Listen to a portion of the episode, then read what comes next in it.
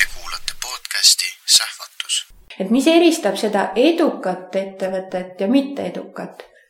väga lihtne, järjepidevus mm. -hmm. ühel on järjepidevus, et sul oligi rahvusvaheline mentor, kellega sul oli võimalus kohtuda ja sa suvel ka iga kuu kohtusid temaga ja see mentoriga ju leppisid milleski kokku ja tegid nii-öelda kodutööd. ja teine oli see, kes suvel puhkas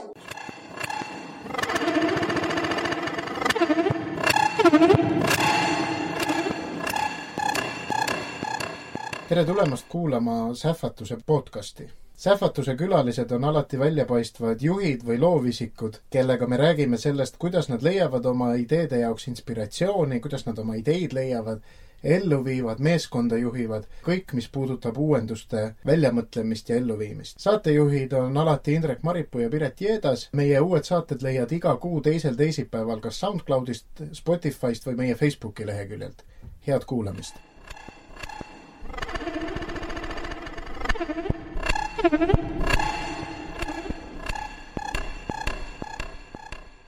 tere, Piret. tere. tere. Läheme taas Indrekuga neid sähvatusi püüdma ja, ja tulnud siis külla Piretile. alustame juttu siit Eesti Kaubandus-Tööstuskojast, kus Piret igapäevaselt töötab ja, ja saab rääkida, kuidas loovus siin lahti rullub ja ma saan aru juba nii-öelda off the record juba ütles, et ideid on väga palju. Aga alustame ikkagi algusest, et meil on selline juhtküsimus, millest me teile läheme ja siis vaatame, kuhu jutt täna tahab viia. ja, ja küsin ka alustuseks, et mis on see, mille vastu sina täna oma elus uudishimu tunned või oled uudishimulik? Oh, see on nii lahe küsimus, ma ei teagi kohe, mille, kust alustada, on ju. no peaks kuskilt pihta hakata ja ma, ma arvan, eelmise aasta nagu kaks tuhat üheksateist ju just lõppes, on ju, et siis äh, iga aasta lõpus võtad aasta kokkuvaated, mis sa oled ära teinud või mis sa mm -hmm. tahtsid teha ja kas see nagu äh, sündis, on ju, siis minu eelmise aasta nagu peateema oli tegelikult väärtused, et äh, ma mäletan, jaanuarikuus oli üks töötuba, mida viis läbi Kati Tikenberg, see keskenduski väärtustele, äh, nii isiku enda väärtustele kui organisatsiooni väärtustele ja kogu see eelmine aasta oli nagu väärtuste teemaga ja võib-olla ka väärtuste konfliktidega hästi tihedasti seotud. ja, ja teine ja see, see väärtuste teema on hästi palju tekitanud siis selliseid huvitavaid nagu küsimusi ja uudishimu, et kus see, kus see väärtuste baas tuleb inimesel ja ku, kuidas see kujuneb ja mhm. mis on need põhilised mõjutavad faktorid ja siis teine pool on juba see, et kuidas siis organisatsioon nende välja kujunenud väärtustega inimestega tegelema peaks. ja kuidas mm -hmm. ta peaks tegema nende inimestega, kes ei oska isegi öelda, et mis tema põhiväärtused on, sest neid mm -hmm. inimesi on ka väga palju mm. -hmm ja, ja teine pool, mis minust hästi palju siis uudishimu viimasel ajal on tekitanud, on kogu neuroteadus. Mm.. et ma olen hästi palju lugenud ajuga seonduvaid asju ja, ja neuroteadusest järgmine samm edasi on siis äh, story telling ehk lugude jutustamine. et kuidas inimesed suudavad omavahel äh, paremini suhelda kommunikeerida läbi lugude jutustamise mm. -hmm. et mhm. eelmine aasta ma alustasin siis lisaks kõigele muule veel ka koolitaja karjääri ja teengi siis äh, lugude jutustamise äh, koolitusi. lugude jutustamise koolitus tähendab, et sa õpetad teistele, kuidas mingit lugu kokku panna ja jutustada. jah, ja kõige mm -hmm. huvitavam ongi see, et vaata, et ei pea lugu kokku panema, et meil kõigil on need lood olemas. üles otsima lihtsalt. lihtsalt, et kuidas sa suudad selle niimoodi edasi anda, et see oleks veenev, tekitaks emotsiooni ja jääks meelde ka mm. -hmm. ja tegelikult läheks kokku sellega, mida sa siis tahad, et see meelde jääks mm. -hmm. ja kui ma kuidas see alguse sai, oli see, et tegelikult meil pidi tulema Singapurist koolitaja, kes tegigi storytelling koolitust, kes on ise selle metodoloogia välja töötanud. ja üks meie liikmesettevõte võttis ühendust, küsis, et kas me võime siia äh, rohkem kui ühe osaleja saata osalema. ma ütlesin, et loomulikult pole mm -hmm. probleemi. aga siis tekkis probleem sellest, et koolitus oli inglise keeles mm. -hmm. ja siis, äh, siis ta küsis, et aga kas teil samat asja eesti keeles ei ole tulemas. ma mõtlesin korra, ütlesin, et loomulikult ma olen äh, pool oma elust olnud lugude jutustaja, väga veenev. Äh, kõik sai alguse lõuna, siis kui ma töötasin Lõuna-Ameerikas äh, ja, ja siis meil on tegelikult kokkulepe selle Singapuri koolitajaga, mina olen siis esimene sertifitseeritud mm. koolitaja eesti keeles ah,. no näed mm -hmm., sellistest äh, väikestest äh, mük-, mük-, müksatustest võib hakata midagi uut elu elama mm. -hmm. Aga siin euroturunduse uudishimu, ja need kust see alguse sai?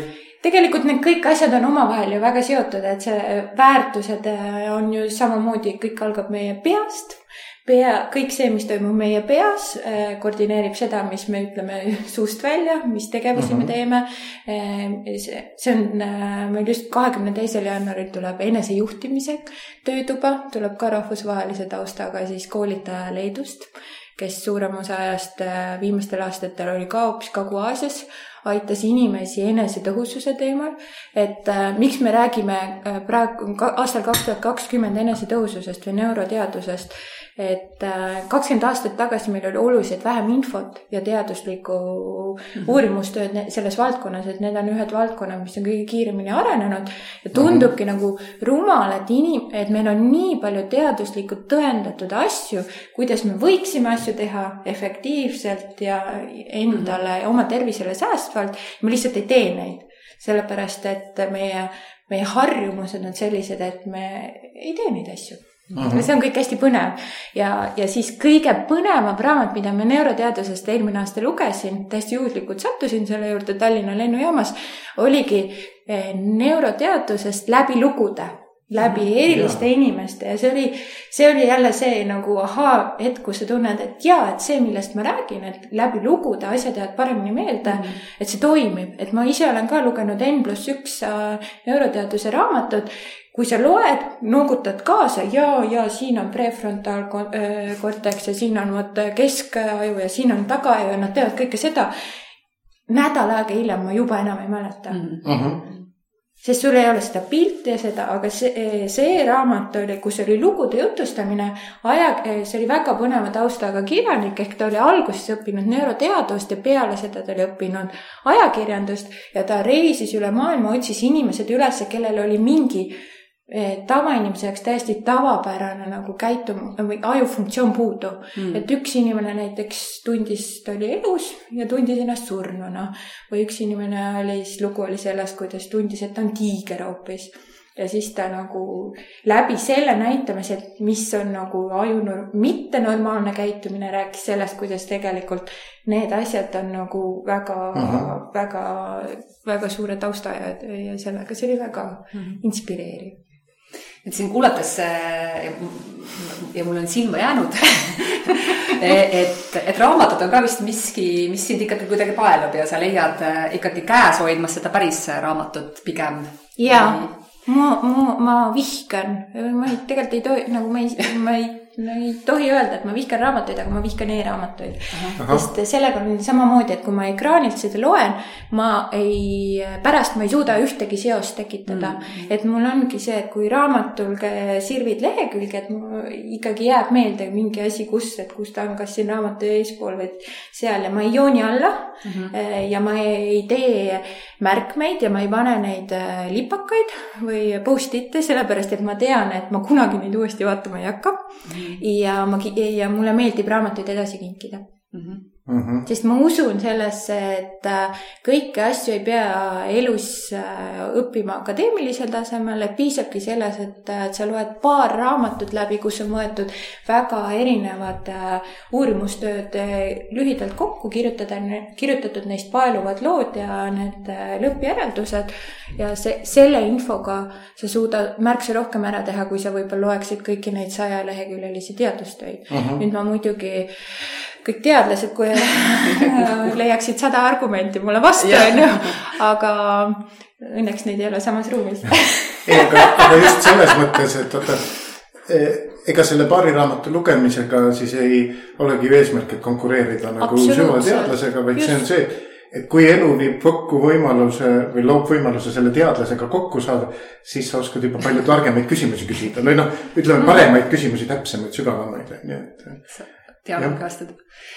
no ma oletan võib-olla selline hüpotees, et mõned nendest raamatuteemadest jõuavad kui sinu igapäevategemistesse siia ähm, tööstuskotta, et võib-olla sa räägidki, äh, mida sa siin igapäevaselt teed, mis täna ja mis täna sul nagu töölaual on, et, äh, et kuulajale, kes, kes võib-olla teab vähem, mille, millega te tegelete, kuigi tegemist on suure, vana äh,, pikaaegse kogemusega kojaga. Jah, ja kõigepealt esimene asi Kaubandus-Tööstuskoja kohta üleüldiselt, et väga paljud endiselt arvavad, et Kaubandus-Tööstuskoda on riiklik asutus. ei, me ei ole riiklik asutus, me oleme mittetulundusühing, mis on loodud ettevõtjate poolt ettevõtete huvide kaitseks ja selleks, et pakkuda ettevõtetele vajalikke teenuseid. ja mina vastutan kojas teenuste, teenuste eest, et need teenused oleksid sellised, mida ettevõtted, mis on ettevõtetele päevakajalised ja, ja et need aitaksid ettevõtteid siis nendes kohtades, kus nad ise võib-olla oma tarkuse, jõu ja nõuga hakkama ei saa. on üks teenus, mille on meile delegeerinud riik ja see on siis päritolumaa sertifikaatide väljastamine. mis on päritolumaa sertifikaadi väljastamine, see tähendab seda, et kui sul on füüsiline toode, mille sa tahad viia kolmandasse riiki, siis sul peab olema dokumentatsioon. juhul, kui on vabakaubandusleping, seda dokument, seda päritolumaa sertifikaati ei ole vaja, aga näiteks meie lähinaaber äh, Venemaa, kellega meil puudub vabakaubanduslepe, et äh, sinna liigub väga palju kaupasid ja äh, Kaubandus-Tööstuskoda koos oma siis nelja regionaalse kontoriga on see, kes neid väljastab. Aga meil on suur maja Toompeal äh, ja ilmselgelt siin on palju ruumi, meil on siin väga palju erinevaid, erineva suurusega koolitusruume, nii et kui ma kolm ja pool aastat tagasi kotta tulin, siis ma esimese asjana vaatasin, et nii palju ruumi, miks need ruumid tühjana seisavad. ja, ja siis ma hakkasin hästi palju me oleme kogu aeg teinud koolitusi ja erinevaid sündmusi, aga me oleme neid teinud väga kitsastele sihtrühmadele, et näiteks olidki raamatupidajad, finantsjuhid, ekspordijuhid. aga kui ma vaatasin, et aga mis on ettevõtete põhiprobleem, ettevõtete põhiprobleem juba kolm aastat tagasi või ka viis aastat tagasi, et see pole siiani kuidagi lahendust leidnud, on äh, kvaliteetse töö kättesaadavus. et miks me ei tee midagi personali arendamise ja selle valdkonna teemat, tal-, noh, talentide juhtimine, kogu juhtimiskvaliteet. et siis järjest on, me oleme võtnud neid äh, teemasid, mida keegi teine kas ei ole tahtnud või suutnud katta ja, ja nendega siis me toimetame ja teeme väga palju koostööd loomulikult väga paljude erinevate organisatsioonidega nii et, et see info ja infoteenus on muidugi ka üks oluline pool. ja kolmas on meil siis kontaktotsing.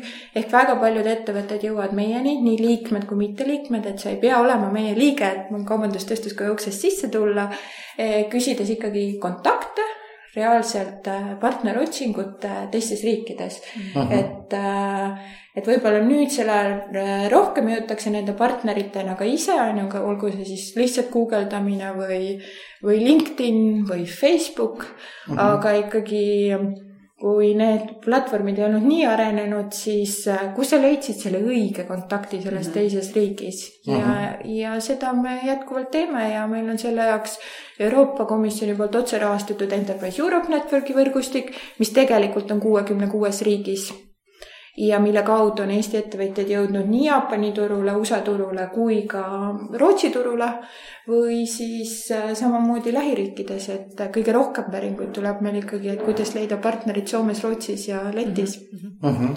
on sul, tuleb sul kohe meelde mõni, mõni põnev äh, jõudmine kuhugi mm -hmm. välisturule, et täpselt seesama, et see kuidagi läbi teie kontakti on tõesti mingi äri kusagil õitsema läinud ja näiteks no vot siin ongi, et ettevõtted ju, kui neil läheb kuskil hästi, ega nad ei ole ju varmad sellest rääkima. sellepärast, et muidu konkurent ju teeb sama asja, ju, et ja mida kopeeritakse, ikka kopeeritakse mm. häid ideid, ega mm. halbu ideid ju keegi ei taha kopeerida. et siis üks, mida ma arvan, et Eesti ettevõtted ei ole veel väga julenud kasutada või tundub selline hästi bürokraatlik ja keeruline, on läbi siis teiste riikide riigihangete uuele turule sisenemine, et üks meie siis mm. Palkmajade tootja sai tänu sellele, et nad tellisid meilt riigihangete monitooringu üle Euroopa, said jala ukse vahele Rootsi turul ja toodavad seal nüüd, ehitavad vanadekodusid näiteks mm. -hmm. et see on selline noh, ehitusturg üleüldse, et tegelikult meil on, me räägime Euroopa Liidust, et see peaks olema ühtne äh, turg, aga reaalselt on see, et ikkagi liikmesriigid leiavad alati mingi viisi, kuidas siis on ju kuidagi turgu nagu ikkagi kaitsta mm. -hmm. ja, ja siis eelmise aasta töövõitudest näiteks aitasime ühe meetootja Hiina turule mm. ja, ja siis vahendasime äh, puidutoodete eksporti Jaapanisse ja Singapuri. IT-ettevõtted said väga palju ko- kontakte meie kõrgetasemelistelt ärivisiitidelt, mida siis juhib kas näiteks Eesti Vabariigi president või siis välisministeeriumi või asekantsler. et eelmisel aastal meil ministritega sisuliselt visiite ei toimunudki teatud erinevatel põhjustel kui ikka inglise keelt ei oska rääkida, siis on natuke raske on ju ettevõtjaid esindada välisturul. Aga ma saan aru, et uuel aastal on uued suunad et tegelikult ja, et läbi mm. nende arengukoostöö projekti, mida meil rahastas Välisministeerium, me saime käia kõrgetasemelistel ärivisiitidel arenguriikides mm, -hmm. väga paljudes erinevates Aafrika riikides ja tänu sellele Eesti ettevõtetel on reaalselt äh, koostöö ja projektid siis erinevates Aafrika riikides toimumas mm. -hmm. väga vahva, aga sinu üks teine tegemine, et kui kui mitte nüüd otse teemat vahetada, aga lihtsalt siia kõrvale tuua neid paralleelselt vaadata. disainituur, eks. et see on hoopis teine maailm. no ma, ma ei tea, see on ei, ma ei, ma ei vastandaks neid absoluutselt, et, et loomemajandus on see, millega ma olen ise väga pikki aastaid ka eelnevatel töökohtadel kokku puutunud mm. -hmm. ja ma olen nagu tõeline Eesti disaini fänn kuigi see rahakotile ei ole väga meeldiv, sest olgem ausad, et Eesti disain on kallis. aga mina olen selle enda jaoks alati ära põhjendanud ka sellega, et ta ongi, ta on väga eriline ja ta on ikkagi jätkusuutlik mm. ja jätkusuutlik nii selles, et, et see on kõrgel, kõrgelt kvaliteetselt retseptöö ja need, see on aegumatu disain. et see erinevalt nagu sellest, et sa astud sisse kasvõi ka mingi suure rahvusvahelise brändi poodi, mis ei pea olema see kiirmoebränd, et ta võib olla ka see aastakümneid loodud bränd Itaalias nende kvaliteet ei ole võrreldav sellega, mida suudavad pakkuda Eesti disainerid ja nende siis suurepärased abilised ehk õmblejannad. ja, ja sellest see alguse sai, et, äh, et ei, kui ma ju töötan Eesti Kaubanduskojas, siis kõik eeldavad, et ma ainult Eesti disaini kannan ja väga paljudel välisvisiitidel küsiti mm, -hmm. et aga keeleriided sul on nii erilised. Ja, ja siis sa nägid, et inimesed vaimustusid. Mm -hmm. ja lõpuks selle lõpliku tõuke andis see, et mulle tuli sõbranna külla New Yorgist ka oli selline jõuludeaegne, uueaastaaegne aeg ja käisime jõuluturult läbi, aga jõudsime lõpuks Telliskivisse.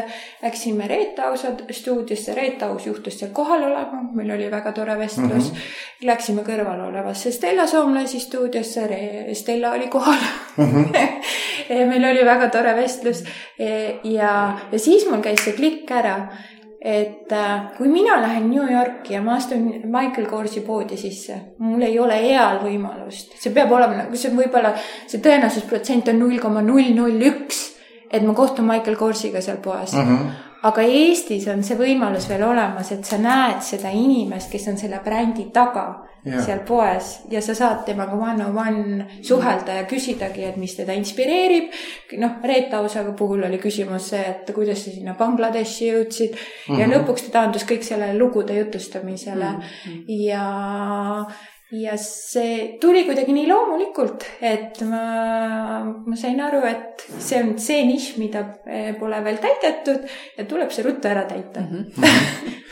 selles mõttes ma tegelikult üldse ei tahtnudki vastandada, mind huvitaski see, et, et, et mis on üks kogemus nende intervjuude tegemise käigus on ka see meil olnud, et kui kui pealtnäha keegi teeb erinevaid asju, siis kui sa temaga vestled, siis sa saad aru, et tegelikult tema jaoks on üks ja sama asi no kuskilt seotud, onju ja mul tuli lihtsalt praegu sind kuulates selline näide meelde, nüüd ei ole küll meie vestlustest, aga lihtsalt äh, tegime ühe äh, kliendi konverentsi siin eelmisel sügisel.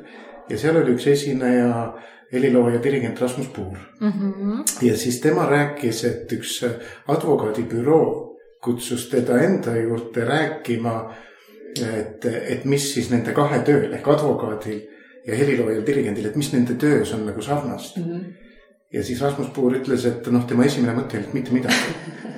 aga, aga kuna see nagu väljakutse oli intrigeeriv ja huvitav, siis ta oli kutsunud äh, Joonas Ellermaa oma hea sõbra nagu kaasa ja siis nad olid kahekesi koos hakanud seal advokaatide juures siis nagu arutama ja lõpuks jõudsid järeldusele, et me teeme peaaegu ühte tööd. et me mõlemad äh, korrastame nagu keskkonda noh, üks siis nagu, nagu õiguse vaatenurgast mm., teine nagu helide kontekstis. ja see oli sihuke koht, kus ma mõtlesin, noh, vau, et sihukese seose peal, noh, nemad ka enne ei tulnud, eks ju mm. -hmm. ja ei oleks ka nagu tulnud, et selles mõttes hästi huvitav on kuulata.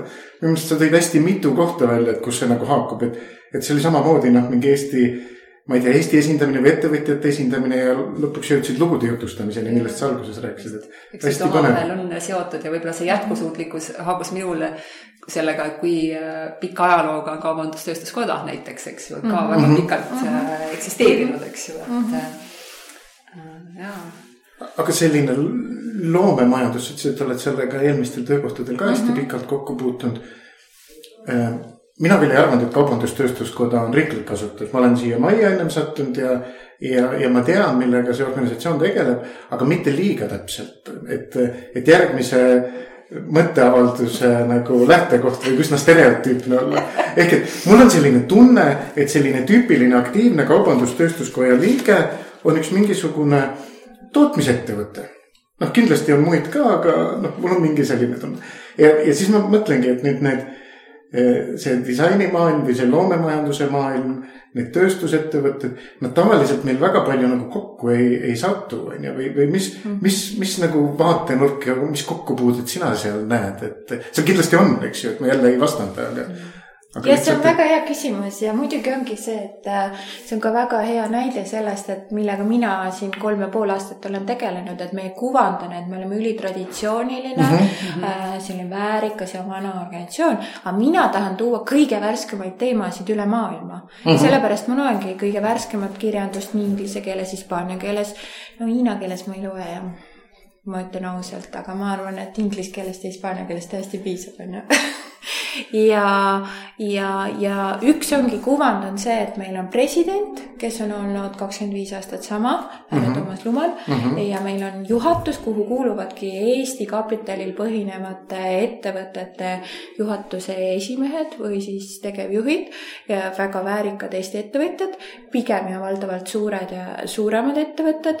aga reaalsus on see, et kui me vaatame oma liikmeskonda ja liikmeskonnas me saame väga täpselt jälgida, kes meil on liikmed, sest meie liikmemaks on töötajate arvu pealt uh, mhm. -huh. siis üle poole meie liikmeskonnast on äh, väikesed ja mikroettevõtted uh. Mhm. -huh. ja, ja meie nende nende aktiivsete klientide, võin niimoodi nimetada neid, kes satuvad, ma julgen öelda, et noh, kuus minimaalselt ühe korra meie juurde mingile üritusele äh, või sündmusele Need on valdavalt väike ja keskmise suurusega ettevõtete esindajad, kas nende ettevõtete loojad või siis müügi või ekspordijuhid või siis personalijuhid mm. -hmm. ja, ja loomulikult minu, kui ma siia alguses tulin tahtsin aru saada, et kes meie siis see klient on ja kes on meie liige. ma suhtlesin hästi paljudega telefonitsi, tegin neile kõnesid, küsisin ja joon, sealt joonistusidki väga paljud mustrid, et ikkagi see ettevõtja, kes on seal Põlvamaal, ilmselgelt ta ei jõua meie juurde Tallinnasse mm. -hmm. aga ta, ta teab, et me oleme olu, olemas, mina olen teenustejuht, ma räägin hästi palju teenustest, aga teine pool on meil ikkagi väga oluline, ongi just see ettevõtja ettevõtjate huvide kaitse riigi juures, et kogu uh -huh. see seadusandluse pool. Ja nad ütlevadki, et me toetame teid, me oleme sellepärast teie liige, et me toetame ja usume sellesse, mida te teete ja meie huvide kaitsel on ju. aga väga paljud on sellised, kes ei ole meie liikmed, aga ütlevad, et aga aga mis mul sellest huvide kaitsest ikka on, aga vaata, nii kaua ei olegi, kuni sa ei ole, see ei ole puudutanud sinu rahakotti uh. -huh. ja rahakotiga on see lugu, et, et kui me hoiame mingi maksutõusu ära siis te ei puudutagi su rahakotti mm, -hmm. see hakkab yeah. ju puudutama siis, kui see eelnõu läbi läheks, on ju. me oleme väga palju asju ja seda on nagu väga keeruline, see on, ma arvan, et see neuroteadus aitaks nagu võib-olla kuidagi on ju. aga las kolleegid teha ka tööd, on ju, et kuidas sa ikkagi seletad ära selle, mis ei ole sind otseselt puudutanud. millest sind ära päästeti yes., nii et sa ei pruukinudki aru saada. just, mm. -hmm. ja tegelikult need mured ja, ja rõõmud on nendel äh, väikestel ja suurtel ikkagi väga sarnased. suurtel on võib-olla lihtsam äh, leida endale tööjõudu, sellepärast et neil on äh,, neil on inimesed, kes esiteks tegelevad personaliga, personali otsinguga, personali arendamisega, personali tööandja brändingu loomisega. väiksematel ei ole seda, et see, siis on see isikubränd ja see mm -hmm. ettevõtte bränd nagu noh, kõik üheskoos, on ju. aga suurel ja väikesel on sama küsimus, aga kus ma leian kontakte, on ju, et meil on siin äh, üks meie liige, Arro Keramika Nemad jõudsid meieni ka nii, et nad äh, liitusid loomemajanduse ekspordi arenguprogrammiga, mida ma ühe uutest asjadest hakkasin kohe tegema, kui ma kotta tulin. ja, ja mis nende puhul oligi see, et äh, eelmine aasta oli presidendi juhtimisel riigivisiit Portugali koos äridelegatsiooniga. Need äh, portselanist tass ja, ja kogu see ilus keraamika on äh, disainitud Eestis, aga toodetud ports-, äh, portselanitehases Portugalis, samas tehases, kus Elizabeth teine endale portselani tellib. ja -huh. ilmselgelt ma minul oli see info teada, ma andsin projektijuhile selle edasi ja nad ei olnud eales ennem riigi riigivisiidil käinud ja sel korral pidid osalema. samamoodi oli Marmara Sterling, Eesti äh, ehtetootja, tegelikult müüb äh, kõige rohkem ehteid äh, ettevõtte kohta Eestis aastas, kümme mhm. tuhat tükki nüüd ma mhm. arvan, et nüüd on juba vist kaksteist tuhat, kui ma ei eksi. ja neile, nemad ütlesid samamoodi, et aa, Portugal, väga lahe, et me just, me saime sinna uue edasi müüa. ja mis Portugalis juhtus? Portugalis äh, president pani äh, Marmara Sterlingu kõrvarõngad äh, kõrva, pärast andis need Marmarale tagasi, ütles, et muidu oleks meil siin korruptsiooniga tegemist. ja Marmara sai selle eest teha fotod partneri sai kutsuda presidendiga toimunud vastuvõtule ja see andis, ta ütleski, et see andis tegelikult nagu sellele partnerile seal kohapeal nii palju mm -hmm. kindlustunnet juurde, et ta on ikkagi tõsiseltvõetav ettevõte, et mõelda vaid, et president on ta oma äridelegatsiooniga kaasa võtnud et mm -hmm. ma olen ka nõus, et see loomemajandus ja see muu maailm, et, et hullult tahetakse neid vastanduda, tegelikult ei ole nii mm -hmm. ja ma, need, kes mhm. on edukad ükskõik mis äh, valdkonnas, nad on kõigepealt head enesejuhid ja teiseks äh, nad saavad aru nii sellest brändiloomes kui sellest, kuidas rahvusvaheliselt äri ajada mm. -hmm. ja ilmselgelt äh, on mõned, kellel on see teadmine tulnud raskemalt ja pikemaajaliselt ja, ja mis me näiteks loomemajanduse ekspordiarengu programmi me oleme nüüd ka kaks korda teinud, et mis eristab seda edukat ettevõtet ja mitteedukat. väga lihtne, järjepidevus mm. -hmm. ühel on järjepidevus et sul oligi rahvusvaheline mentor, kellega sul oli võimalus kohtuda ja sa suvel ka iga kuu kohtusid temaga ja see mentoriga ju leppisid milleski kokku ja tegid nii-öelda kodutööd. ja teine oli see, kes suvel puhkas Uh mhm. -huh. aga kellel jõuluvana tuleb suurema kingikotiga? ma arvan, see, kes ikka suvel ka on tööd teinud uh. Mhm. -huh. ja selle aasta, vot ma ikka jõuan kogu aeg raamatuteni tagasi. väga hea, väga hea et selle aasta esimene raamat on mul äh, läbi loetud, see oli, nimi oli Endure ehk siis äh, ko, äh, inglise keeles jälle väga paeluvalt kirjutatud äh, vastupidavusest ja sellest, et mis on siis see, mis muudab äh, nagu sportlase vastupidavaks ja mis need erinevad elemendid on seal. ja tegelikult seesama vastupidavus, miks mina lugesin seda, see ei ole ainult sportlasele oluline, see on sama oluline juhile, tippjuhile. et mul ongi, homme on mul kohtumine ühe Eestis äh, konsultandiga, kes tahab seda spordipsühholoogiat Eesti juhtidele ka lähemale tuua. Lihtsalt kuulajatele ütlen vahele et kui sa, kui sa ütlesid, et esimene raamat on juba loetud, et siis me ja. seda vestlust peame seitsmendal jaanuaril. et lihtsalt olgu märgitud, et terve nädal kulus selle raamatu lugemiseks. ma lõpetasin selle juba teisel jaanuaril muideks wow..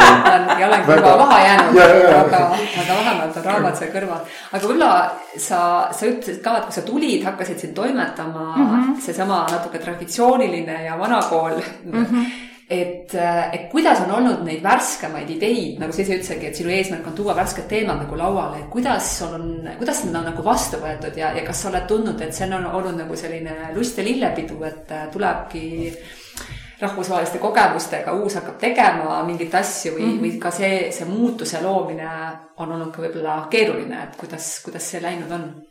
Läbi raskuste tähtede poole, et äh, et ilma raskusteta oleks elu ju igav, on ju. absoluutselt. jah, et äh, loomulikult äh, mind toodigi organisatsiooni sellepärast, et ma teeksin muutusi, nii et selles mõttes mul oli nagu, mul oli hästi palju vabadust, siiamaani on äh, teemasid algatada, tõstata, aga minul on ka väga palju vabadusega kaasneb alati vastutus mm. -hmm. et vastutus ongi see, et meie, meie inimesed saaksid palka ja maja nagu ülalpidamiskulud saaksid kaetud, on ju, et et see, et ma, kõik need asjad, mida me teeme, peaksid ikkagi nagu mitte miinusesse jääma, vaid nagu ikka plussi tulema ja, ja ilmselgelt on selliseid teemasid, mis on nagu nišiteemad ja mis köidavad võib-olla väga väheseid, aga see, see-eest nad on väga tänulikud, et neid teemasid kaetakse ja on selliseid laiapõhjalisemaid -hmm. teemasid, et välisvärbamise kohtumised näiteks on hea näide, et kolm aastat tagasi, kui ma sellega algust tegin, ei olnud veel see, et iga ettevõte kaalus välismaalt värbamist. ma julgen öelda, et nüüd juba on, sest mhm. lihtsalt Eestis ei ole kedagi enam värvata, on ju ja see nagu takistab väga-väga palju ettevõtete kasvu ja Äh, näiteks naisettevõtjate teema, et äh, meie, meie juhatuses on viisteist liiget, kellest nüüdses uues juhatuses on kaks naisterahvast. kas juhatus tuli ja ütles, et ole hea, tegele naisettevõtluse, naiste võimestamisega? loomulikult mitte. aga mina lihtsalt katse-eksitusmeetodil mõtlesin, et aga teeme ühe naistele ainult ürituse. pluss oli seal disclaimer all, et oodatud on alati ka julged mehed. nii et ükskord üks äh, pereettevõtja puhul oligi nii, et naine jäi haigeks ja saatis mehe. mis juhtus, keegi oli veel mehe saatnud, onju. juhtus see, mis tavaliselt naistega juhtub, kui on hästi palju mehi. ehk need naised siis teevad oma nagu vestlusringi ja ei julge nende ülejäänud meestega suhelda. seal oli samamoodi, et kaks meest istusid nurgas ja rääkisid kahekesi ja ei julenud suhelda teistega. ja mida ma nägin veel, oli kohe algusest peale, et, et me oleme ju platvorm, et meil on liikmed ja mitteliikmed et meie roll peakski olema ettevõtjaid omavahel kokku tuua ja need omavahel suhtlema viia et mis väga palju juhtub nendel kõrgetasemelistel visiitidel, istutakse ühes lennukis, veedetakse aega bussis äh, punktist A punkti B liik, äh, liikumise mm -hmm. ja üllatus-üllatus jõutakse koostööni mm. -hmm. see on küsimus, et kas selle koostööni jõudmiseks peab minema kolmandasse X riiki ja veetma ja. nagu nädal aega seal tegelikult on võimalik sedasama ju nagu Eestis ka teha. aga vot Eestisse nad ei tule, kui ma ütlen, et äh, ma pole veel jõudnud katsetada ka veel, aga mul on see plaanis uh. -huh, uh -huh. et ma tahaks ikkagi viia nagu ekspordiga seotud inimesed Kuressaarde. meil oli täna just äh, arutelu, et kas lähme bussiga või, või lennukiga ja nii need ideed tegelikult mhm, tekivadki, mhm. et äh, et ma ei pea neid juhatuses kaitsma. Loomulikult ma võiksin nagu oma kolleege kursis hoida ja uh, -huh. ja meil on teenuste osakond kõige tihedamalt ju suhtleb turundusosakonnaga, kes pakub kogu seda turundustuge. ja et väga paljud asjad on ikkagi ka see, et aga proovime järgi mm -hmm. ja kui ebaõnnestume, siis teeme sellest omad järeldused ja, ja järgmine kord proovime uuesti ja teeme paremini mm. -hmm. et see proovimine ja katsetamine on täitsa mm -hmm. osa sellisest mm -hmm. igapäeva mm -hmm. praktikast. ja, ja läbikukkumine ka mm. -hmm. viimane läbikukkumine oli see, et mul oli ühe koolitajaga kokku lepitud veebruarikuusse, et ta esineb, aga ma olin ta pannud juba jaanuarikuusse. ahah ja, ja siis ootasid põidleid keerutades, et kus ta nüüd ometigi on ei, ta kirjutas mulle, et kuule, et me ju leppisime kokku, et ma pidin jaanuar, jaanuari asemel veebruaris esinema, aga, aga ma saan jaanuaris ka teha. ma ütlesin, et väga hea, et vabandust, et ma, ma lihtsalt ei tea, kuidas see niimoodi juhtus, aga ju siis pidi juhtuma. see oli sul ka väike apsakas. jah, jah aga kui palju, no sa ütled, et sa neid ideid, et sul on suur tegutsemisvabadus, sa neid juhatuses nagu äh, kaitsma ei pea mm. -hmm. aga ometigi noh, kui sa tuled mingi uue mõttega organisatsioonis, siis sa ilmselt natukene nagu kolleegidele pead neid nii-öelda maha müüma, et kas sul on mingeid häid, ma ei tea, nippe või, või halbu kogemusi või et kus, kus nagu sul on mingi mõte, sa räägid sellest ja teised nagu ei ole hooga nagu kaasa tulemas, vaid on pigem skeptilised, siis pead tegelema sellega. Hea küsimus pigem mulle nagu ürituste eh, vaates see ei meenu mm. -hmm. et pigem ongi see, et okei okay,, proovime järgi, vaatame, kas toimib, et enne pole nagu mõtet üldse debatti pidada, on ju, kui meil seda eh, proovimise elementi ei ole. aga lihtsalt mõnda asja ei ole mõtet meil üksinda teha, et näiteks kui ma käisin kaks aastat tagasi kevadel Poolas, äh, siis mul oli äh, Deloitte jätkusuutlikkuse regiooni vastutajaga kohtumine, ootasin kümnendal korrusel temaga koosolekut, vaatasin Poola äriajakirja, inglisekeelne oli mm. -hmm. seal oli see, et kümnendat korda toimus Made in Poland konverents. siis mul käis nagu sähvatus, et aga, aga miks meil Eestis Made in Estonia konverentsi ei ole? Ja siis ma tulin tagasi sealt ja rebisin selle pisikese lehe välja ja näitasin, vot Poolas on kümme aastat tehtud, et teeme ka. aga ilmselgelt meil ei ole nagu mõtet seda üksinda teha, ehk siis ma võtsin ühendust Swedbankiga, Swedbank ütles kohe, väga hea idee. ja võtsin ühendust EAS-iga, nii mis EAS-iga juhtus, pool aastat nad ei suutnud otsustada, kas nad tahavad teha või ei taha mm. -hmm. et, et see ongi see riigi ja era- ja organisatsiooni väga suur erinevus mm. -hmm. julgus otsustada ja, ja see otsustamise kiirus. ja lõpuks, kuidas see otsuseni jõudis, oli see, et ma sõna otseses mõttes võtsin tollasel EAS-i juhatuse esimehel nööbist kinni Lasnamäe kaks EAS-i kontoris, ma olin seal mingil teisel kohtumisel, nägin teda, ütlesin, et palun anna mulle vastus jah või ei, et mm. Äh, me tahame selle teha, see oli EV sada, et see oli selline märgiline aeg ka. alguses tahtsimegi teha vahe, noh, samal nädalal, aga kuna nad ei suutnud otsustada, siis me lõpuks lükkasime selle märtsi, mis ei olnudki võib-olla üldse halb. ja, ja see sai nagu väga vinge asi olema uh -huh. ja lihtsalt ja väga ja mis selle eesmärk oli, see ei olnud teha nagu äriplaan kaks nagu see XXX on ju uh -huh. konkurent, et oligi eesmärk oli tuua riigisektor ehk siis kõik need, kes teevad ekspordistrateegiaid riigi poolt ja kõik need, kes reaalselt ekspordivad ühte saali kokku, et nad kuuleksid, mida üks pool ja mhm. teine pool arvab. mitte, et ühed on ühes ruumis mm -hmm. ja räägivad, äh, ametnikud räägivad, kuidas ettevõtjad on nii, nii suutmatud ja ei viitsi üldse midagi teha ja mugavas tsoonis ja teisel pool on siis nagu needsamad ettevõtjad ütlevad, et aga jaa, et näed ikka need ametnikud, need ei tea ikka ilmast mitte või midagi.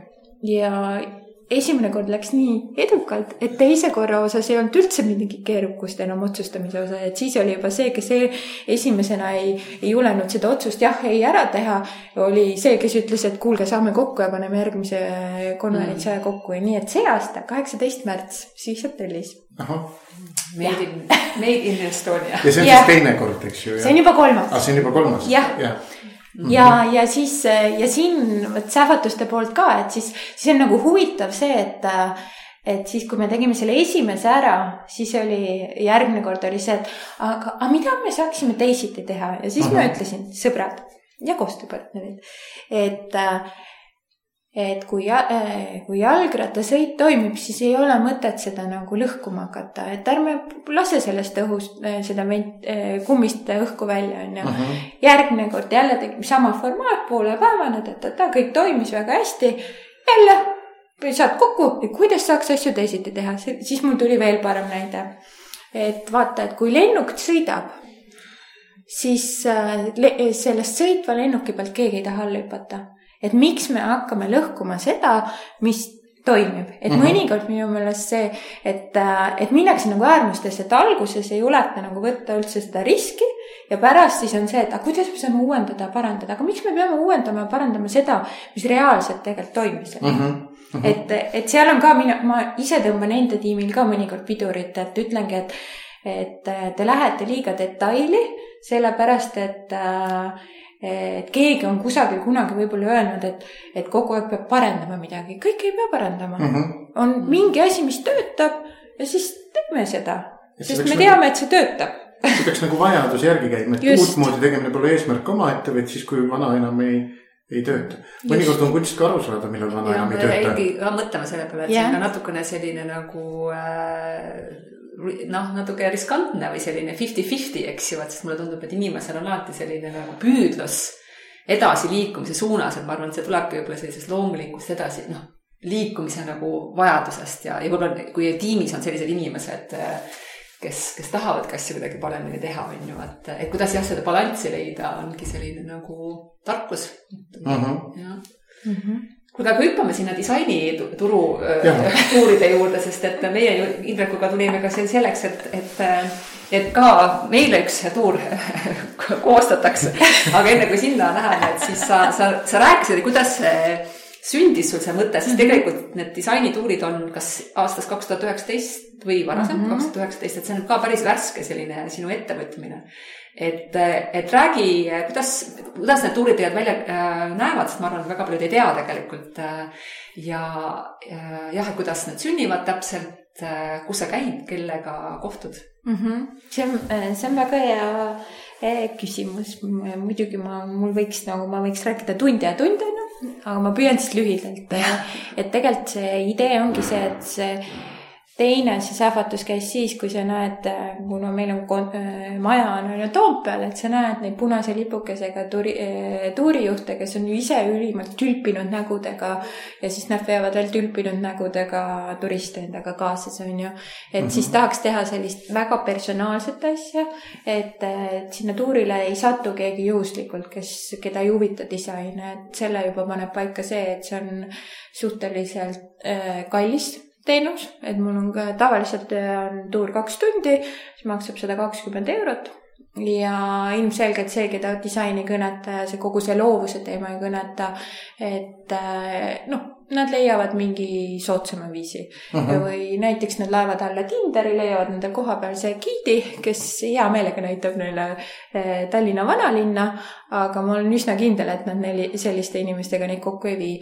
ehk kes on minu nagu nii-öelda tüüpklient, on siis selline inimene, kes ise töötab ka kuidagi, ta kuidagi ta põhitöö on seotud loovusega, et väga mm. palju kliendid ongi olnud filmitööstusest mm. ja filmitööstuses on ju ka, on need loov kauvam pool ja siis on see ikkagi, kes nagu aitab kogu seda struktuuri hoida, on ju, kes on siis logistikud või siis need, kes maksavad palka ja, ja peavad raamatupidamist, tegelevad finantsidega.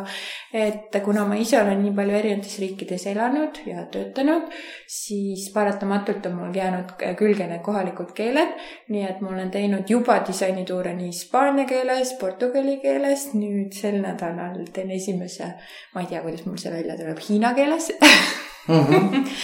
ja, ja, ja tegelikult need marsruudid, mul ei ole kindlat marsruuti, et see marsruut peakski tulema siis vastavalt sellele, kes mulle tuurile tuleb, et ongi, see inimene võib öelda, et mind huvitab tootedisain. aga teine ütleb, et aga mul on äh, punase vaiba üritus ja ma tahaksin hoopis leida endale suurepärase äh, suurepärase esinduskostüümi või kleidi sellele üritusele mm. -hmm. ja, ja siis äh, hästi palju on küsitud, et kas ma gruppidele teen. ma tegelikult gruppidele ei tahaks teha, selle, mille pärast, sellepärast et siis kaob jälle see üks-ühele suhtlus selle loovinimesega ära aga ma olen paar erandit teinud, et jaapanlastele ma tegin ühe eh, grupile ja seal me näiteks külastasime parimat eh, siis loovagentuuri Velvetit Telliskivis uh, -huh. aga käisime ka Piret Kartusega kohtumisel ja Stella Soomlaisiga. ja tavaliselt kõik need tuurid algavad mul ühest kohast, et see on Tallinn Design House Rotermannis, kus on üle saja siis Eesti disaineri ja nende siis toodangu on seal eh, eksponeeritud. Ja klientide geograafia on tõesti Singapurist, Jaapanist alustades, lõpetades siis Ameerika ja Kanadaga ja mul on äh, tööandjaga kokkulepe, et meil, meil ei ole tootmisettevõte, kus on siis seitsmest või kaheksast viieni töö mm, -hmm. et mul, ma saan teha seda mm -hmm. paindlikult, aga ilmselgelt, et ma pean arvestama ka nende loovinimestega ja elu näitab, et nad kell kaheksa ei taha hommikul keegi kohtuda kellegagi imelik aga, aga kuidas sa ennast hoiad selle Eesti selle loomemajandusega nagu kursis, et noh okei okay,, sa mainisid eh, Red House'i, Stella Somlaisi, noh e, enamust teavad mm, -hmm. aga, aga need mingid uued põnevad, mis tekivad, et eh, on sul mingi oma radar kuskil väljas tegelikult ma äh,, meil on juba neid disainereid ongi hästi-hästi palju ja olgem ausad, et ma ikkagi natukene vaatan ka sellega, et see isik mm -hmm. oleks nagu põnev, et äh, mõned disainerid on nagu äh, liiga tagasihoidlikud et mm -hmm. nad isegi võib-olla ei julgegi väga suhelda, aga noh, see, see paraku nagu ei inspireeri seda mm -hmm. külalist, on ju. et, et siis ma rohkem aega planeerin nende juures, kes on ekstravertsemad, tihtipeale nad on ka kuidagi vene juurtega ja, ja ma tegelikult ikkagi sinna, ma viin nad ikkagi kliendi ainult sinna, mida ma, millesse ma ise ka usun Mhm. -huh. et äh, see on jälle see väärtuste baas, et ma ei usu sellesse, et kahekümne esimesel sajandil peaks kandma nagu äh, polüestrist riideid Mhm. -huh. ma arvan, et me peaksime valima jätkusuutlikumad kangad. Äh, ja, ja olgem ausad, ise ma käin ka lähetustes väga palju, et nagu null polüestrit ei ole võimalik. et kui sa tahad ikkagi minna lennuki pealt maha ja otse kohtumisele, on vaja mingit sünteetilist kangast ka, aga seda on minimaalselt. ja, ja ma viingi nad ikkagi nende disainerite juurde, kelles, kelle klient ma olen ka ise see on nagu mu see teine pool uh -huh. sellest disainituurist, et enda rahakotile ta võib mõjuda mõnikord väga hävitavalt aga lihtsalt nad on ka isiksustena ülipaeluvad. Mm -hmm. see juba natuke nagu ütlesid ka, et mis neid nagu iseloomustab, et mm, -hmm. et, et märkad sa veel mingisugust nagu mustrit, et nad ise ütlesid ka, et nad usuvad sellesse, mis nad teevad, et, et mis see läbilõige on, et mis kuidagi hinge või mõttemaailma need, need inimesed kannavad, kelle juurde sa siis külalisi viid mm? -hmm. mul just nädalavahetusel üks isiklik sõbranna kirjutas Messengeris, et you are annoyingly inspiring mulle jubedasti meeldib see sellepärast, et see oli, esiteks see oli väga aus ja, ja tegelikult ma arvan, et kui sa teed seda, millesse sa usud siis see inspireeribki teisi mm. -hmm. ja hästi palju öeldakse, et ah, et sa oled nii ülikarismaatiline, onju. ei ole tegelikult olemas, et sina sünnid karismaga ja sina ei sünni, ma arvan, et lihtsalt see ongi, et üks inimene eh, on eh, saanud võimaluse seda, millesse sa usud ja mida sa nagu, eh, mida sa ihu ja hingega teed Mm -hmm. oled saanud seda teha mm -hmm. ja teha neid asju, mille noh, mi-, mi-, mida sa ei pea tegema vastumeelselt. Ja ma olen väga õnnelik, sellepärast et ma olen terve elu saanud selliste asjadega suurema osa ajast tegeleda. loomulikult igas töös on mingi protsent selliseid asju, mida sa nagu väga hästi ei tahaks teha, aga sa lihtsalt uh mhm. -huh. saad aru, et sa pead selle ära tegema uh. Mhm. -huh. ja, ja tegelikult seesama iseloomustab ka kõiki uh mhm. -huh. neid disainereid, kellega ma äh, Äh, kellega ma koostööd teen ja teine see, suur see, mis iseloomustab nii mind kui neid samu disainereid, on see, et nad on järjepidevad. Et see ei ole see, et et ma nüüd äh, lansseerin oma veebilehe ja siis mul tuleb nagu tuhandetes päringud ja kõik tahavad hullult tulla Eestisse disainituurile, ei taha absoluutselt ei taha uh. -huh. ja nad tulevad Eestisse Tallinna vanalinna pärast. nüüd juba kusjuures tehakse startup tuure uh, -huh. et ne, on see nišš on ka juba, keegi on avastanud, et oo, et see on päris vahva aga keegi ei tule Eestisse disaini pärast uh. -huh. aga minu unelm on, et kümne aasta pärast võib-olla juba tuleks Uh -huh. ehk see inimene, kes siin on ära käinud, et, et tema läheks tagasi ja räägiks kümnele inimesele veel ja, ja mis veel muidugi kõiki meid iseloomustab, on esteetika, et see ruum, kuhu sa lähed, see peab olema esteetiliselt kaunis, et saaksid tekkida need just see, et sa näed neid äh, olgu see siis, kas see on moe nagu riideese või see on see tootedisain, et see, see inspireeriks sind olema parim, parem inimene uh. -huh ja siis me tuleme tagasi su küsimuse juurde, mis oli hoopis teine onju aga ma juba unustasin selle ära mm. -hmm. see polegi enam oluline, see Just. vestlus peabki liikuma nii nagu, nagu mõtted liiguvad äh,.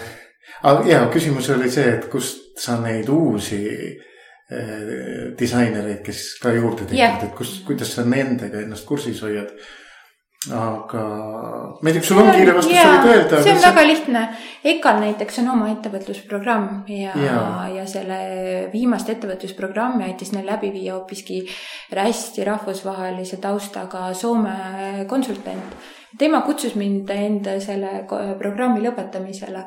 ma kahjuks ei saanud minna uh. Mhm. -huh. aga noh ehk et see on ikkagi see võrgustik, eks ju, nii-öelda erialane võrgustik. skaneerid ikkagi mm -hmm. tõenäoliselt seda ja mõnikord on ka see, et lihtsalt ma kõnningi mööda ja satungi näiteks Raua tänaval väga äh, kihvt, ma kõndisin äh, päevi, päevi, päevi, kuid jooksin sealt suvel mööda äh,. oli üks äh, pood äh,, aga ma kunagi ei tundnud, et ma sinna sisse tahaks minna ahah, ja siis tuli Tallinn Fashion Week, kus ma nägin, et oli ülilahe selline eh, pilt, siidkangast kleit, käsitsi värvitud ja mul eh, ja siis ma vaatasin, kelle tehtud see on. see on seesama Raua tänaval olev Natali Õnnis ja siis ma, mul tekkis kohe tahtmine ja huvi minna vaadata, mis seal poes veel on. aga need vaateaknad olid nii ebainspireerivad, et enne mul ei olnud kunagi seda tunnet, et ma tahaks sinna sisse minna ja, ja siis ma läksin, ma sattusin eri, eraldi eriüritusele, kus oli vist selle disaineri, kes oli vene, vene, noh, vene keelt kõnelev. tema siis isiklikud sõbrad seal proovisid ja kihistasid ja vaatasid, et mis sobib ja mis ei sobi. ja ma leidsin sealt endale kaks väga, väga ilusat asja ahah, garderoobi, mis on väga erilised ja mille ma arvan, mis on veel oluline, on ikkagi see hinna-kvaliteedi suhe ka, mida ma järgin mm. -hmm. sellepärast äh, ma kõiki asju Eestist ei osta. et äh, ma sada protsenti ei saa kanda ainult Eesti asju, sest ma arvan, et mingilt maalt läheb piir, kus minu aju, minu neuroteaduslik aju ütleb, et ei, et siin ei ole hinna ja kvaliteedi suhe ei ole tasakaalus, stopp mm. -hmm. seda sa ei osta ahah. Ja kuna ma reisin nii palju, siis ma alati leian põhjuse osta suveniir. okei, aga on sul endal mingisugused äh, äh, rutiinid või harjumused oma äh, idee plahvatuse esilekutsumiseks, et äh,, et kui sul on vaja ideid leida või vastupidi, tulevad nad ise su juurde ja sul on mingi hea süsteem, kuidas sa need kinni püüad, et, et kaotsi ei läheks või? Ja väga hea küsimus jälle, kust te kõik nii head küsimused saate? ei tea. jah, paber ja pliiats ja märkmik, mul on siin äh, süstematiseeritud kõik need, ees on mul kõik, mis mul tuleb, siin on mul esimese et ja kui ikkagi si- me peame siis võib-olla pildi tegema pärast, et siin on siis äh, selline tavaline, üsna tavaline märkmik, kui kirjeldada kuulajale, kus on, tahaks kaugelt öelda, et nad on päris hästi soditud, aga, aga ilmselgelt saab autor aru, mis siin kirjas on. noh, täpselt. Te ütlesite, et on süstematiseeritud. ja, ja siin tagapool siis, noh, see on ikkagi elu on prioriteetide seadmine on ju valikute küsimus. Et siis tagapool on siis see nagu hobi ehk siis see disainituurid. siin on mul näiteks näed sisuturundusstrateegia. ühe lehe, üks A5. jah, aga need siis, need siis tekivad nendel igavatel koosolekutel või mis igavatel üritustel, kuidas sa ütlesid jah? jah, jah, aga vahepeal ei ole muidugi igavaid üritusi, et on ainult äh, väga sisukad, siis Jälle jama. siis mul on jama siis mul strateegiat ei ole, ehk siis tegelikult, mida ju ka kõik need juhtimisalased äh, juhtimiskurud ütlevad, et ongi, on execution mode ja on idea generalization mm. -hmm. mode. ehk see ongi, mis tihti võib-olla loovinimeste puhul juhtub, on see, et neil on loovust ja ideid on hästi palju, aga neil on vaja kedagi kõrvale, kes aitaks selle loova idee ellu viia mm -hmm. ja loo-, luua sinna struktuuri, siis äh, ma ei tea, kuidagi mul on nii juhtunud, et ma suudan nagu mõlemat, et mul on see loovidee ja ma suudan sellega, selle struktuuri sinna peale luua, kuidas see ellu viia. ahah, ja selle jaoks mul on ka väga hea oskus kaasata neid inimesi, kes sellesse ideesse usuvad ja aitavad koos minuga seda ellu viia. Ja ma arvan, et see ongi üks võtmeoskusi kahekümne esimesel sajandil, et kuidas suuta nagu see, millesse sa usud ja mille, mida sa tahad teha, välja võtta kõigest sellest, mida sa pead tegema ja mis tuleb sul kas sotsiaalmeediast laviinina peale või mm, -hmm. või no kust iganes. kuskilt väljast igatahes. aga kas sa nüüd, sa ütlesid alguses ka, siis meil veel vist äh, äh, salvestaja ei töötanud, aga ütlesid, et sul on nagu palju erinevaid märkmikke. Et kas see lihtsalt on see, et sa alati ei leia oma olulist märkmikku ülesse või sul on kuidagi märkmike vahel nagu ka erinev. eks sa vaatad siis mingil ajal lehitsed neid nagu läbi või, või, või kuidas, kuidas see süsteem sul käib? ja mul on üks väga eriline märkmik, kus mul on siis nüüd kogu sotsiaalmeedia strateegia disainituuridele. see on selline pisikene, mis mahub väiksesse käekotti. Ja siis on noh, see ta on selline nagu execution mode äh, märkmik, et siin on ikkagi see, et äh, kui see on tehtud, siis, siis ma tõmban ta maha mm. -hmm. ja siis mul, ma ei pea seda säilitama tulevastele põlvedele aga mi, kui sa küsisid nende rutiinide osas, et, et kuidas ma nii palju suudan, on ju, siis ma arvangi, et terves kehas terve vaim Mm -hmm. et siin ei ole nagu midagi uut, et kõik see, kõik arvavad, et ma olen nagu loomu poolest sale ja, ja sihvakas, siis tegelikult äh, ma jälgin seda, mida ma söön ja ma jälgin seda, et ma liiguksin piisavalt. ma teadlikult ei ostnud autot ma pidin küll ostma parkimiskoha, sest korterit muidu ei müüdud. ja, ja ma püüangi tekitada endale tervislikud harjumused ja rutiinid. Ja kui ma tahan sinna leida mingit uut äh, harjumust sinna juurde, siis ma ei äh, hakka seda nagu eraldi tekitama, vaid ma lülitan selle oma praegusesse harjumusse. Äh, veel üks harjumus, mul ei ole kodus internetti, kõik küsivad, kuidas sa elad. näed, täitsa elan mm. -hmm. ja kui on väga vaja, siis ma kasutan äh, mobiili-internetti, jälgin äh, telekat äh, minimaalselt ja tund aega enne magamaminekut ei vaata ekraani, ehk vaid loen hoopis paberil raamatut mm. -hmm. ja raamat, kui ma lähen reisile, mul on alati raamat kaasas. tihti juhtub see, et ma veel ostan raam-, lennujaamast mitu raamatut juurde ja, ja siis ja siis ma arvan, see, et tek- ja alati lei-, mida ma veel nii hästi ei oska, no sihuke eestlaslik Tõde õigust vaatasin ka just ju uuesti ja et ikka see, et tee tööd ja näe vaeva ja siis tuleb armastus, et, et, et see teadlikult puhkeaja võtmine, see on väga oluline. aga ma, ma õpin järjest mm. -hmm see on midagi, millele keskenduda nagu sellel aastal, sest ma saan aru, et kui aasta tagasi oli juttu väärtustest, võib-olla siis selle aasta alguse jutud äh, puhkamisest kanduvad siis tervesse aastasse, vaata mm. -hmm. vot, kui tähelda nii mm. -hmm. kas pakitseb veel mõni küsimus, sest äh, ega see aeg ju lihtsalt lippab äh, ja nagu sa enne ka ütlesid, võikski jääda rääkima. ei, mul ei pakitse. ei pakitse? midagi, mida saaks lühidalt rääkida, ma võiks mingeid teemasid avada, aga las, las jääda asjad korraks. jah no nii, kas sina tahad küsida lõpuküsimuse? ei, sa juba hakkasid. siis äh, ja, no meil on ka lõpus äh, see, see üks ja sama küsimus, et, ähm, et kui sa kohtuksid äh, noore iseendaga, kes võib-olla siis on sealt keskkoolist välja astunud ja laia maailma siirdumas, kohtuksid temaga seal mõnel disainituuril, tuleb see noor Piret vastu, siis, siis võibki küsida, et et äh, mis nõu sina temalt küsiksid või millist nõu sina talle annaksid? või, või võid ka mõlemale muidugi vastata. ehk siis, mis mhm. nõu sa talle annaksid või mida temalt küsiksid, kui sa kohtud selle noore iseendaga?